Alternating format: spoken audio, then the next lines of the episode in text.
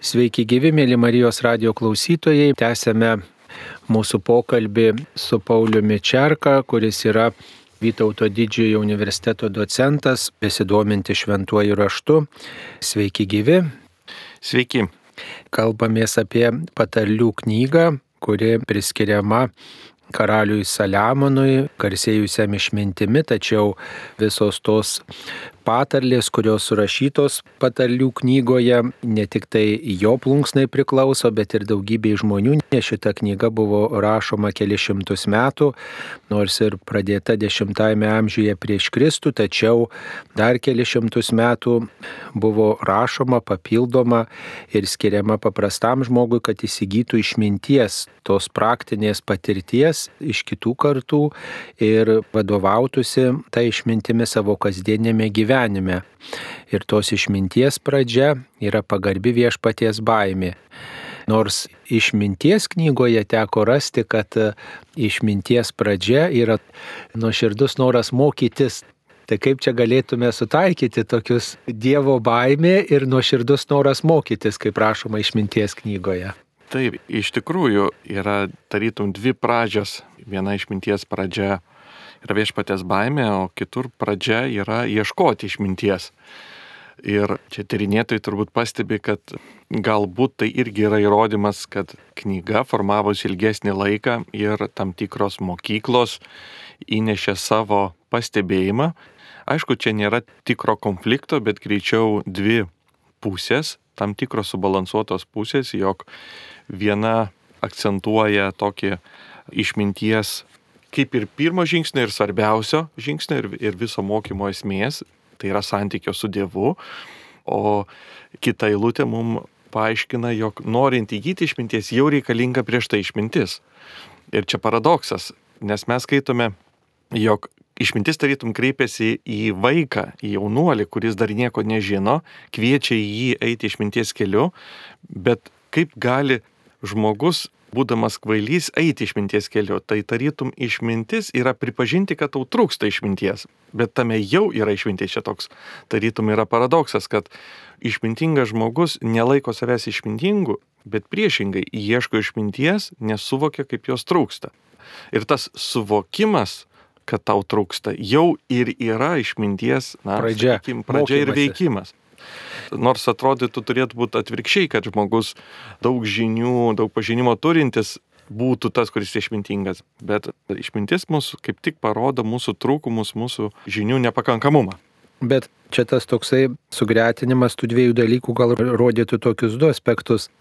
Štai patarlių knygoje rašoma, kad pagarbi viešpaties baimė yra žinojimo pradžia, išminties pradžia, o nuoširdus noras mokytis, tai reiškia daugiau sutelkta galbūt į savo pastangas, o čia štai į Dievą grėžtis. Tai ar tai vienas kitam prieštarautų, ar čia vienas kitą tai papildantis dalykai? Tai vienareikšmiškai būtų pildantis, jog išmintis ateina iš Dievo ir mumise iššaukia tą norą mokytis, nes išmintis yra kaip ir progresyvus dalykas, jame yra augama, taip? Tai nėra toks vieną kartą kažkas įvyksta ir tu gavai Priešingai, tai yra tokia kelionės misija. Tai toj kelionė reikalingas pats traukimas į tą kelionę. Tai yra pati išmintis, kuri traukia išminties kelionė. Taigi atsiverčiame pirmąjį skyrių ir tęsėme nuo aštuntos eilutės. Pirmasis patarlių knygos skyrius, aštuntoji eilutė. Mano vaikė, klausyk savo tėvo pamokymų, netmesk savo motino žodžių. Jie bus tavo galvai grakštus vainikas, karoliai tavo kaklui toks pamokymas pasipuošti išmintimi, nes išmintis daro žmogų gražiu. Jie bus tavo galvai grakštus vainikas, karoliai tavo kaklui. Taigi papuošimas, išmintis puošia mus ir tas papuošimas matomas kitiems, iš tolo pastebima išminti žmogaus gyvenime. Mano vaikė, jei tave nusidėliai viliotų, neklausyk. Jei sakytų, eik su mumis, surenkime krūvinas pasalas, Speskime juokais pastus nekaltiesiems, prarykime juos gyvus, kaip daro šeolas, žydint gyvenimui, tarsi žengiančius į duobę. Tai, žodžiu, čia yra perspėjimas turbūt vengti blogos draugijos ar dar kažką kitą čia išvelgtume. Taip, čia yra pirmasis pokalbis pirmasis tėvo pamokymas sūnui, iš jų mes sutiksime iki dešimtos skyriaus lygiai dešimt. Ir čia atkartoja turbūt mums tuos dešimt žodžių pradžios pirmajame skyriuje, kuriais Dievas sukuria pasaulį, dešimt žodžių, kuriuos duoda Mozijai ant Sinajaus kalno. Ir mes sutinkam šį kartą jau išminties knygoje dešimt pokalbių. Ir pirmasis yra toks vengti tos blogos draugijos arba tiesiog organizuotą nusikalstamumo mes pasakytume. Ir atrodytų šitas pamokymas labai elementarus, ypatingai jeigu turėsim omeny, kad išminties knygos klausosi dievoti žmonės. Iškyla klausimas, ar tikrai toks įspėjimas yra aktualus. Bet išminties literatūroje mes turim suprasti, kad išmintis yra ir mislių formoje. Štai pačiai pradžiai mes skaitėme, kad antroji lūtėj, kad suvoktų prasmingus posakius arba mislės. Ir kažkuria prasme už kiekvieno pamokymo yra tas antrasis dugnas. Dabar kame čia turėtų būti pamokymas? Juk į organizuotą nusikalstamumą arba mafiją turbūt nelabai esam gundomi paprastai prisijungti. Bet čia yra vėlgi ta alegorija, kad yra jaunuolis, kuris dar gyvenimo nepatyręs, jis gali susivilioti tokiu keliu, o mums tai rodo, prisiminant apaštlų darbus, kaip dažnai paštalai toj pirminiai kerygmoje skelbdami Evangeliją vadino žmonės, kvietė į atgalą, sakydami, kad jūs nužudėte gyvybės kurėją ir jūs tapote žudikais. Čia net galėčiau ir pacituoti tiksliau, pavyzdžiui, apaštalų darbų antram skyriui 23 eilutį Petras kalba, taigi tą vyrą Dievo valios sprendimu bei numatymu išduotą jūs nedorelio rankomis nužudėte, prigaldami prie kryžiaus taigi yra kaltinama žmogžudystė. Septintam skyriui 52 eilutėje Steponas kalba, kad argi buvo pranašas, kurio nebūtų persikėję jūsų tėvai, dėje jie nužudydavo pranašaujančius teisėjo ateimą ir jūs dabar esate jo išdavėjai ir žudikai. Trečiam skyriui 15 eilutėje vėlgi yra kaltinimas tuo tapimu žudiku. Ir pats viešpats Jėzus, kreipdamasis į fariziejus, jis sakė, kad piktindamasis tą komercinę priekybą, jis sakė, argi neparašyta mano namai vadinsis maldos namai, o jūs pavertėte juos plėšikų lindynę. Cituodamas jis Jeremiją sako, taigi čia viena vertus kalbama apie tokį organizuotą nusikalstamumą, kita vertus matom ir Kristaus lūpose, ir apaštalų lūpose, tai yra pritaikoma tam persiekėjimui, kurį patyrė pats viešpats Jėzus ir visi pranašai. Ir čia jau mes žiūrim į žmoniją, kuri iš ties nužudė Dievą, susibūrusi ir susijungusi, tarytum į organizuotą grupę. Ir čia jau yra aktualu mums kiekvienam atsakyti, ar aš seksiu šituo keliu, būsiu tuo žudiku kompanijoje, ar vis tik paliksiu ją ir kažkaip suvoksiu žmonijos nuodėmingą padėtį ir būsiu išminties pamokytas palikti. Štai kodėl prasideda pirmas pokalbis toks fundamentaliu dalyku - žmogus ir Dievas. Žmogus yra nužudęs Dievą, kuris tapo vargšu ir silpnu. Ir taip pasireiškia mūsų kaip žmonių toks maištingumas ir ta alegorija apie organizuotą nusikalstamumą, jinai įsipildė va tokiu būdu.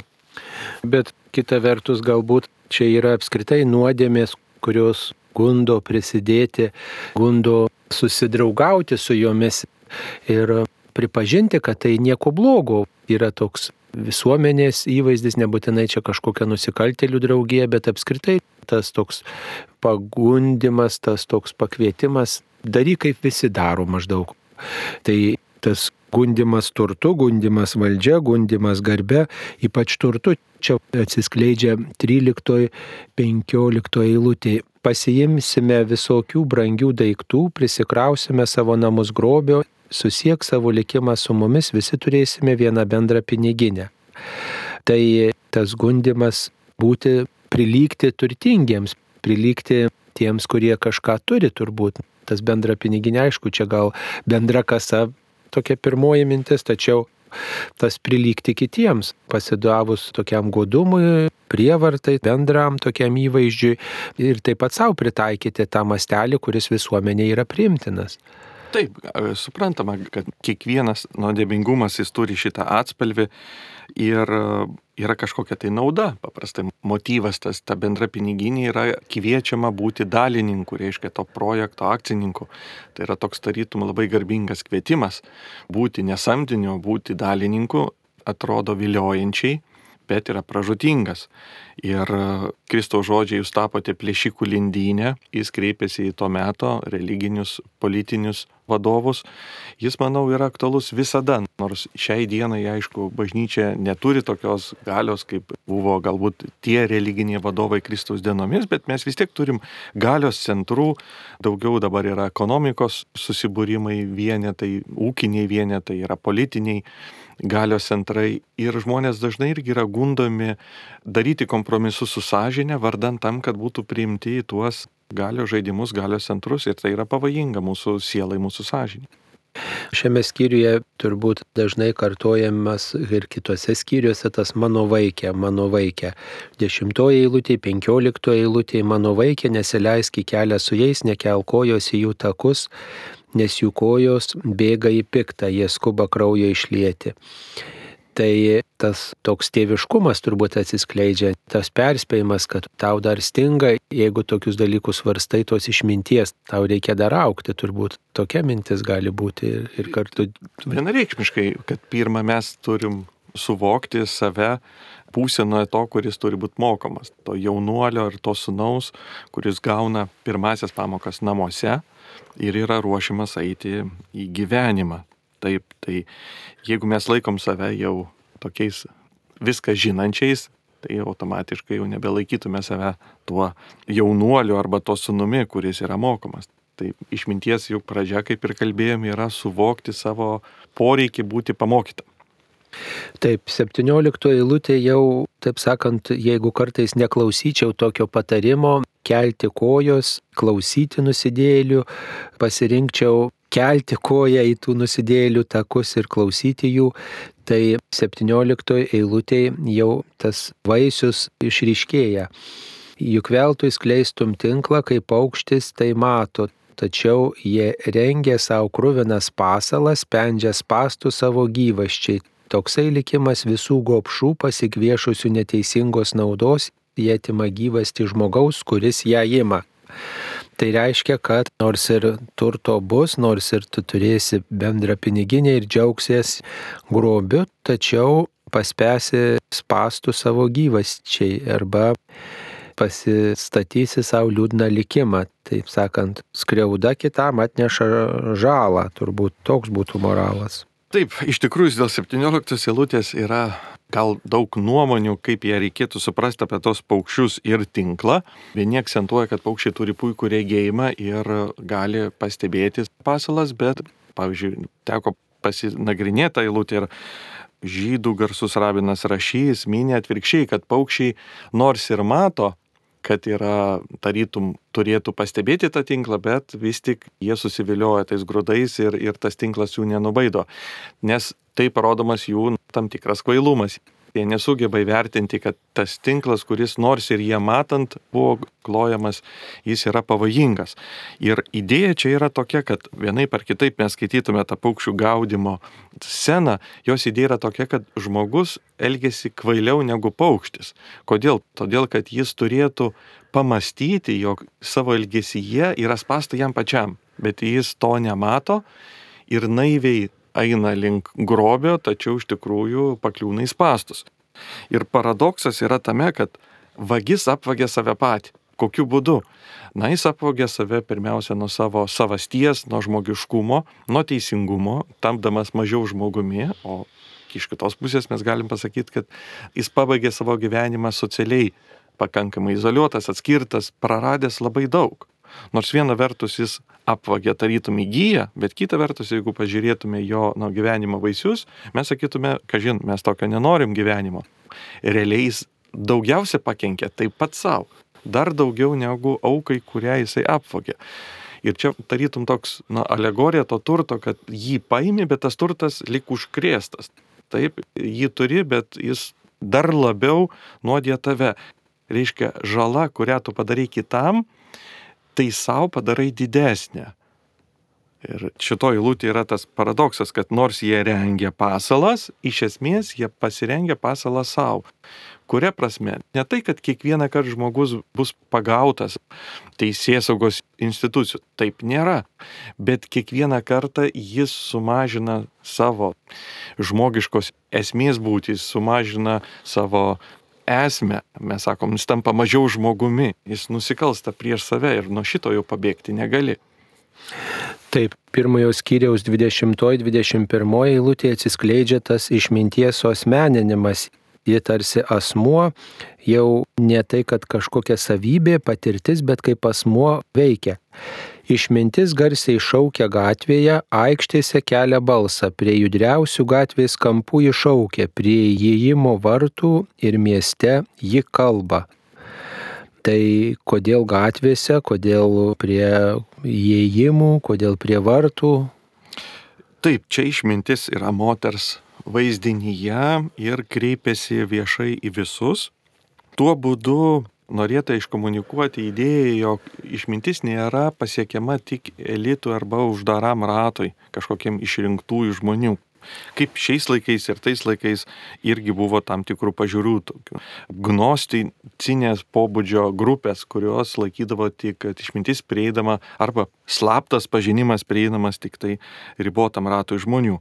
Tik ne, išrinktiesiems, tik taip. Išrinktiesiems ir taip irgi buvo vyrojanti tokia nuostata, netgi sakoma ant Platono akademijos užrašyta buvo tekstas, kad tas, kas nemoka geometrijos, ten jau žinė, yra toks, na, slengstis, ne kiekvienam. O čia paradoksas, kad išmintis eina į pačias žmonių labiausiai apgyvendintas vietas - gatvė, aikštė, turgavietė, reiškia ten, kur kiekvienas žmogus gali patekti. Nereikia į kalną užsikopti, nereikia kažkokį urvą įlysti. Tiesiog tos išminties šauksmas yra girdimas kiekvienam. Ir iš tikrųjų, kiekvienas mūsų apsižvelgęs aplink save, pastebėjęs gamtos grožį, gyvenimo sudėtingumą, mes turim išgirsti, kad pro juos mums kalba šita išmintis, va šita moteris jį šaukia ir sunku turbūt pasislėpti nuo to šauksmo, kvietimo į išminties kelią.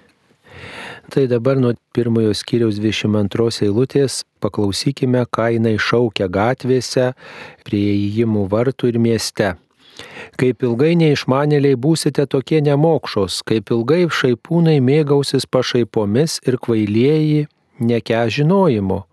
Būkite atidus mano įspėjimui, štai išliesiu jums savo dvasę, atversiu jums savo žodžius, kadangi jūs mane atmetėte, kai šaukiau, nekreipėte dėmesio, kai tiesiau ranką, kadangi paniekinote bet kokį mano patarimą, nepaisėte jokio mano įspėjimo, Aš savo ruoštų juoksiuos, kai ištiks jūs nelaimė, tyčiosius, kai užklups jūs baimė. Čia tokia ir ironija, ir netgi atpildas jaučiasi tose eilutėse, kad viena vertus išjuokiamas tas nemokšiškumas ir tos pašaipos, į kurias žmonės palinkia ir nepriima išminties grūdo ateinančio įvairiais būdais į jų gyvenimą. Taip sakant, toks nuosprendis, jeigu jūs nepaisėte, nekreipėte dėmesio, tai ir aš nepaisysiu jūsų. Taip, šita mintis jaučiasi, bet jeigu išminčiai būtų nerūpėję tie žmonės, tai argi jinai būtų ėjus ir šaukus. Tai reiškia, mes turim tą moterį, kuri tarytum rūpinasi, jai rūpi žmonių reakcija. Todėl tuos žodžius, kai jinai sako, tai ir aš, savo ruoštų juoksiuosi, mes turėtume daugiau suprasti, jog jį ne iš žmonių nelaimės juokiasi kaip tokios, bet jį juokiasi iš naivaus tikėjimosi, kad jei aš neseksiu išminties keliu, tai man viskas bus gerai. Iš tokio požiūrio jį juokiasi, kadangi tas požiūris priveda prie padarinių ir jis tampa akivaizdžiai toks kvailokas ir jokingas bet ji nesijokė iš žmonių skausmo, ji juokėsi iš kvailumo, kuomet tau buvo šaukiama, tu buvai kviečiamas ir tu vis tik neklausydamas keliauji į liūdnus padarinius, manydamas, kad jie tavęs neištiks, tai yra toks kvailumas. Ir va tas kvailumas ir kelia išminties juoką. Kai baimė užklups jūs kaip audra, rašoma 27 eilutėje, ir nelaimė ištiks jūs kaip viesulas, tada jie šauksis manęs, bet aš neatsiliepsiu. Uoliai manęs ieškos, bet manęs nesuras, kadangi jie nekentė žinojimo ir neįsigijo pagarbios viešpaties baimės ir nenorėjo jokio mano patarimo ir nekentė mano įspėjimų, užtat jie valgy savo kelio vaisius ir bus savo kėslų pasotinti. Rašoma štai toks tekstas nuo 27 iki 31 eilutės. Taigi turbūt tuo norima pasakyti, kad išmintis yra atpildas, kurį mano veiksmai įgyja, sulaukia, taip kaip elgiuosi, tokius vaisius ir skinu ir tai yra išminties dalis turbūt. Taip, tai yra išminties dalis ir čia labai svarbu paaiškinti, tarytum keista eilutė, jog sakoma, kad jie šauksis manęs, bet aš neatsakysiu. Nors visoje patarlių knygoje mes girdime tą raginimą ieškoti išminties ir sekančiam skyriui mes skaitysime, kad jeigu jie manęs ieškos kaip paslėptų lobių, tai mane suras. O štai čia girdim, kad šauksis ir ieškos ir nesuras. Čia labai svarbu yra motivacija, jog kai mes autentiška dievoieška arba išminties paieška, ji nėra susijęta su tokia tiesioginė nauda arba problemos sprendimu. Nes tokiu atveju mums rūpi ne pati išmintis, o, sakykime, įspręsti kažkokią bėdą ir problemą. Ir tas pats yra su atgaila. Autentiška atgaila yra, kada žmogus ne dėl to, kad jam skauda nori, kad pasikeistų, bet todėl, kad jis supranta, kad blogai padarė. Ir tas supratimas, kad blogai padarė, nebūtinai yra jau skausmo akivaizdoje. Jis ateina anksčiau. Jau kai žmogus tik prispaustas padarinių ar bausmės ar kažkokio vaisiaus verkia, tai tas verksmas nėra tikras atgailos verksmas. Mes turim pavyzdį su Jokūbu ir Ezavu, kuris sako, labai skaudžiai verkė, kad prarado palaiminimą, bet niekada nelaikė savęs atsakingų už tai. Jam buvo skaudu, kad taip atsitiko, bet jis niekada nevertino, kad tai jis turėtų būti kaltas už tai. Tai šiuo atveju išmintis identifikuoja, kad šauktis jos tik tada, kai jauti problemą, nėra išminties kelias. Išmintis kelias yra, kai tu šaukiesi prieš tos vaisius, kai tu sėki ją ne todėl, kad įspręstum vieną kitą aktualią savo klausimą, bet todėl, kad tai yra tiesiog tiesos kelias. Ir motivacijos klausimas. Tai pirmasis skyrius užbaigiamas 32-33 eilutėmis. Juk užgaidos pražudo neišmanelius ir pasitenkinimas savimi sunaikina kvailius, bet manęs klausantieji saugiai gyvens, nevargins jų nelaimės baimė. Daroma turbūt išvada, kad nereikėtų užsidaryti savo žinojime, savo puikybėje savo, savo sukauptame išmanime, bet visuomet turbūt klausti ir trokšti kažko daugiau ir stebėti pasaulį ir aišku būti atviram Dievui. Nors čia tiesiogiai apie Dievą neužsimenama, bet manęs klausantieji saugiai gyvens. Tai turbūt ir yra ta mintis, kad klausyti Dievo, kuris byloja išmintimi įvairiausiais būdais. Taip, čia 32 lūtį turim tokį irgi paradoksą pasitenkinimas savimi sunaikina kvailius. Kartais atrodo, jog turtas visada turėtų nešti saugumą, bet paradoksas yra, kad jeigu žmogus jaučiasi labai saugus turėdamas turtą, jis yra jo apgaunamas ir tas saugumas galų gale priveda prie kvailų sprendimų, o tai priveda prie praradimų ir skausmingų padarinių. Tai šiuo atveju, kaip sakyt, gali gautis, kad greita sėkmė jinai pavirsta į labai skaudžias klaidas, skaudžius pasirinkimus, kurie savo ruoštų atneša jau ir to, kas sukaupta išvaistimą. Tai gali pasitaikyti ir finansiniai sferoje, ir kitur, kuomet žmogus jaučiasi viską išmanas, labai rizikuoja ir baigėsi tuo, kad jis išvaisto ir tai, ką galbūt jam pasisekė laimingo atsitiktinumo dėka sukaupti. O atvirkščiai išminties kelias yra atsakingas, tas ėjimas ramus, jeigu prieš tai matėm, kad ten nedoraliai bėga, toks yra intensyvus skuba, tai čia yra priešingai tokia ramybė, priešingi akcentai, reiškia toks ramumo, o nesiblaškimo ir nejudėjimo.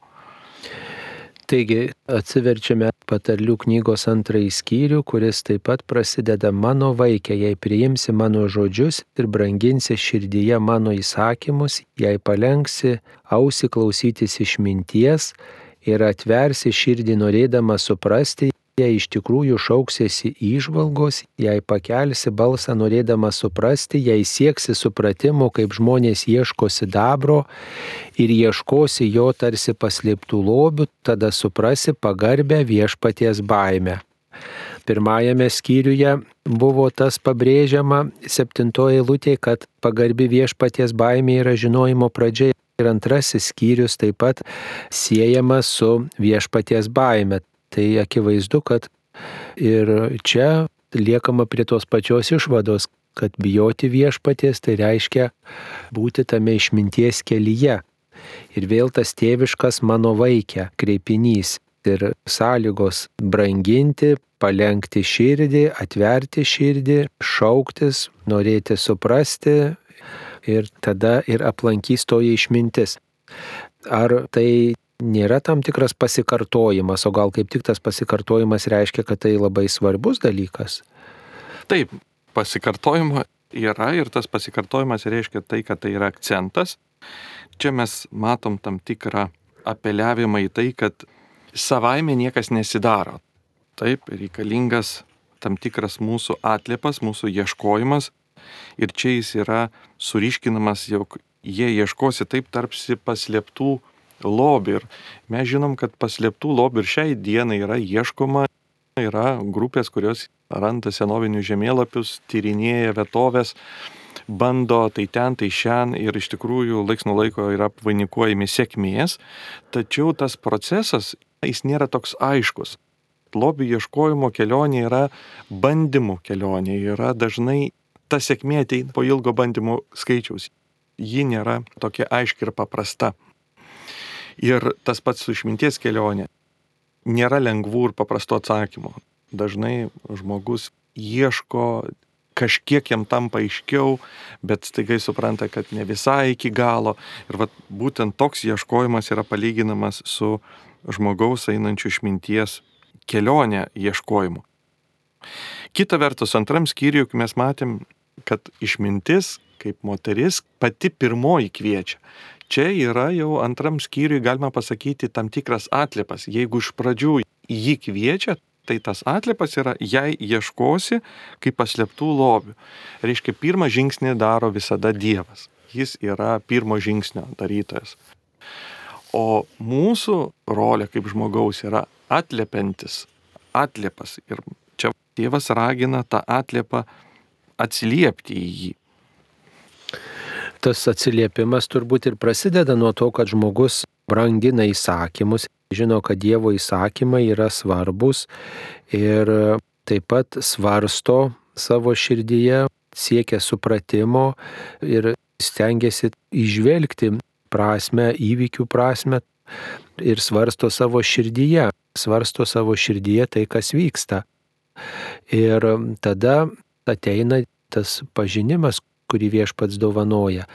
Tačiau turbūt reiktų tokį dalyką irgi svarstyti, kad tas svarstymas ir branginimas irgi yra tam tikra turbūt Dievo dovana, kad, žodžiu, kitas galbūt ir norėdamas kažkaip jis neturi tos dovanos, arba jisai galbūt kažkaip nepasiruošęs dar tą Dievo dovaną priimti, svarstyti, juk išmintingų žmogum, tokiu, kurį kiti vertina, myli, kuris gali duoti patarimą, galbūt daug kas norėtų būti, bet e, vieni kažkodėl brangina įsakymus ir svarsto ir stengiasi išvelgti, o kiti ne.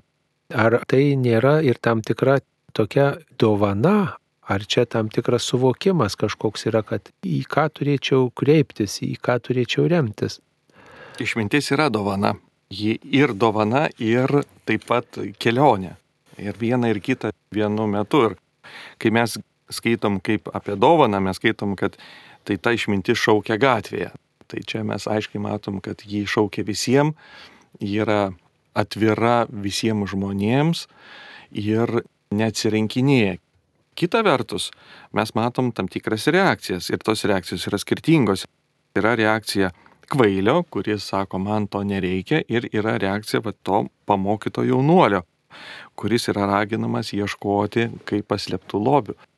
Tai va čia jau yra mūsų dalis. Ir veikia ir viena, ir kita. Ir čia, aišku, apie lobių paaišką turbūt mums turėtų prisiminti evangelinis palyginimas apie žmogų, kuris atradęs žemėje sklype tam tikrus lobius, eina parduoda visą, ką turi ir perka žemę, kad vėliau tą lobį įsigytų. Tai vėlgi mes matom žmogaus ieškančio tikrų dalykų reakciją ir tie tikri dalykai yra Kristaus Evangelijoje ir pačiame Kristaus asmenyje. Penktoji, šeštoji lūtė išmintis siejama jau su pačiu Dievu. Ir žodžiu, jeigu laikysies ieškosi išminties kaip lobių, jei laikysies, branginsies įsakymų ir rašoma tada penktoji lūtė, tada suprasi pagarbę viešpaties baimę ir sužinosi, ką reiškia pažinti Dievą. Juk viešpats duoda išminties ir iš jo lūpų ateina žinojimas ir supratimas. Taigi tikėjimas Dievu, Dievo pasirinkimas, jo žodžių svarstymas ir yra tas Dievo asmens pažinimas ir kartu tos išminties įgyjimas turbūt jau čia labai akivaizdžiu tokiu tekstu pasakoma, kad va toji išmintis tai ir yra Dievo garbinimas, Dievo žodžio laikymasis. Ir kad Dievas tikrai viena vertus duoda tikėjimo dovaną, bet jeigu aš tą tikėjimo dovaną svarstau ir stengiuosi galvoti, o kaip aš jos turėčiau laikytis, tai ir įgyju tos išminties ir labiau Dievą pažįstu. Taip, ir čia reiktų šiek tiek pakomentuoti, kad tas Dievo pažinimas hebrajiškui kultūrui žodis pažinti, jis apima šiek tiek kitus dalykus, negu mes lietuviškai pasakytume. Mums pažinimas daugiau yra žinių turėjimas. Mes asocijuojam, kad per mokymosi, per universitetinį įsilavinimą mes įgyjame žinių, intelektinių žinių ir tai laikome, kad pažįstame. Gy hebrajui pažinimas visų pirma yra patyriminis pažinimas vaikas įlipęs į jūrą, ją pažįsta tokiu būdu, nes jis jaučia ją, jis maudosi vandenyje, nors jis tiesa ir nežino vandens molekulinės formulės ir sudėties, bet savimi jis yra daug imtimesniam ryšyje, jis dalyvauja tame reiškinyje ar daikte. Tai čia kalbama būtent apie tokį Dievo pažinimą, nes teologinis išprusimas tiesa dėl objektyvių priežasčių pasiekimas ne kiekvienam. Bet Dievo pažinimas, tas patyriminis dalyvavimas Dievo paslaptise yra iš tikrųjų kiekvienam krikščionim. Mes tikime, kad Euharistijos šventime mes dalyvaujame, susilijame su juo, su tikrų kūnu ir krauju ir tokiu būdu toks pažinimas yra prieinamas kiekvienam žmogui. Nes jis yra imtimesnis pažinimas. Pažinimas per dalyvavimą paslaptyje, o ne per intelektinį suvokimą kiekvieno reiškinio esmės. Septintoje, aštuntoje eilutėje apibūdinama, kokia yra Dievo nuostata žmogaus atžvilgių, ką viešpats daro žmogui ir koks tas Dievas yra. Taigi rašoma, jis tai yra Dievas turi paruošę sveikos išminties doriesiems, jis yra skydas tiems, kurie elgesi be priekaišto, jis saugo teisingumo takus ir gina savo ištikimųjų kelią. Tai čia turbūt pasiekmė kokia to pažinimo ir Dievo pažinimo ir tos išminties laikymosi ir bendrystės su Dievu, kad jisai dorą žmogų apdovanos išmintim ir tą, kuris stengiasi jo įsakymų laikytis gins, tarsi skydas ir kuris teisingumo laikysis, bus taip pat apsaugotas, bet turbūt gyvenime būna visai tačiau tas toks tikrumas žmogui padeda išbūti teisingumo kelyje, ar ne taip? Taip, čia gal tokia irgi alegorija yra, kad kas yra didžiausias turtas verslininkui. Iš esmės tai yra jo žinios, jo gebėjimas numatyti tam tikrus poreikius, numatyti sprendimus ir juos spręsti. Turtas gali laiks nuo laiko būti dėl įvairių priežasčių prarastas, bet jeigu jis turi gerą suvokimą, gerą pasirengimą, jis atsikurs savo resursus ir vėl pasieks greičiausiai to efektyvumo ir sėkmės. Tai čia kažkas panašaus ir su dvasinė išmintim yra. Jog jinai yra tarp tikras skydas, tai yra apsauga ir pasakyta, kad Dievas yra parengęs sveikos išminties dariesiams arba prikaupęs. Ir va toks paradoksas, kad jie prieš tai mes skaitėme, kad nebūk tuo kaupiku, nebūk godus turto, kita vertus Dievas tokiam žmogui yra prikaupęs tikrų turtų. Ir ta išmintis yra palyginta tokiu kaip prikaupto turto. Ir čia turbūt prisimintume kalno pamokslo žodžius, kad nekaupkite turto žemėje, bet danguje. Tai va tas prikauptas turtas ir yra išmintis, kuri dvasiniai kelionė yra tikra apsauga. Ir svarbu turbūt tokį dalyką prisiminti, kad ne tik mano pastangos saugo, ne tik tai mano supratimas, įžvalgos saugo, bet pats viešpats šitoj vietoj, kad jis bus tuo skydu ir jis gins ištikimai. Pats Dievo asmo, pats Dievas stoja į tą pagalbos kelią. Ir jeigu galbūt matau, kad nestoja viešpats, tada, na vis tiek tas žinojimas, supratimas, kad viešpats supranta, kada reikės ateiti į pagalbą ir kada jis teiks tą paramą. Devintoj eilutėje rašoma, tada suprasi, kas teisų, kas teisinga, kiekvieną gerą taką, kas dora, nes išmintis ateis į tavo širdį ir žinojimas džiugins tave, dešimta eilutė skelbia. Taigi, kai matysiu tą Dievo apsaugą arba jos tikėsiuos, tos išminties vis dar įgysiu. Turbūt tas išminties įgyjimas yra nesibaigiantis procesas, nuolatinis kelias, nuolatinė dinamika tokia yra. Taip, tikrai taip ir kad išmintingas žmogus nuolat mato save neišmintingų. Čia svarbu pabrėžti ir jisai kiekvieną kartą mato savo trūkumą daug ryškiau negu savo žinias, panašiai kaip ir mokslininkai. Nors mums atrodo, jie žino labai daug, bet dažniausiai jie dar daugiau suvokia nežina, dar daugiau neatsakytų klausimų. Tai čia labai panašus dalykas, jog išminties keliu einantis žmogus dar greičiau plečiasi tą erdvė nežinojimo negu žinojimo. Bet čia noriu pasidžiaugti tokiu žadėjimu, kad suprasi, kas teisų ir teisinga. E, tai kaip ir yra protingumo darybė, mes ją vadiname. Jog žmogus ne tik pastovi turi kreiptis į Dievą, kad jam pasakytų, o ar taip ar taip turėčiau elgtis, taip ar kitaip. Mes esame įpratę galbūt matyti maldingo žmogaus paveikslą būtent tokį, kad jis nuolat klausia, nuolat klausia ir nuolat daro, kas jam liepta. Bet pats nesupranta pats negali pasirinkti, kas gerai ar blogai. Tačiau protingumo darybė arba, kaip hebrajų kultūroje sakom, išmintis, jinai pačiam žmogui leidžia pamatyti, kas teisu. Tai yra Dievo išmintis taip veikia žmogų, kad jis gali suvokti teisingą kelią ir jį pasirinkti. Ne tik tai aklai vykdyti nesuprasdamas, bet priešingai suprasti ir sąmoningai rinktis. Štai toks yra išminties kelias antrojo skyriaus 11 eilutė rašoma, apdairumas tave auklės, o supratimas gins. Jis gelbės tave nuo nedorų žmonių kelių, nuo klastingai kalbančiųjų, kurie išklysta iš dorumo kelio, eina tamsybėmis, kurie džiugauja darydami piktą ir gėrisi klasta darančių nedorių žmonių, kurių takai vingiuoti ir gyvenimo būdas suktas. Tai turbūt čia tas išeina tos pasirinktos išminties vaisius. Nuo 16 eilutės rašoma, būsi išgelbėtas ir nuo palaidūnės, nuo vilionių svetimautojos, kuri pameta savo jaunystės bendrą ir užmiršta savo šventąją sandorą. Iš tikrųjų, jos namai yra ant mirties šlaito ir jos takai veda į šešėlių buveinę. Kas į ją įeina, nebegali nei sugrįžti, nei gyvenimo takų pasiekti.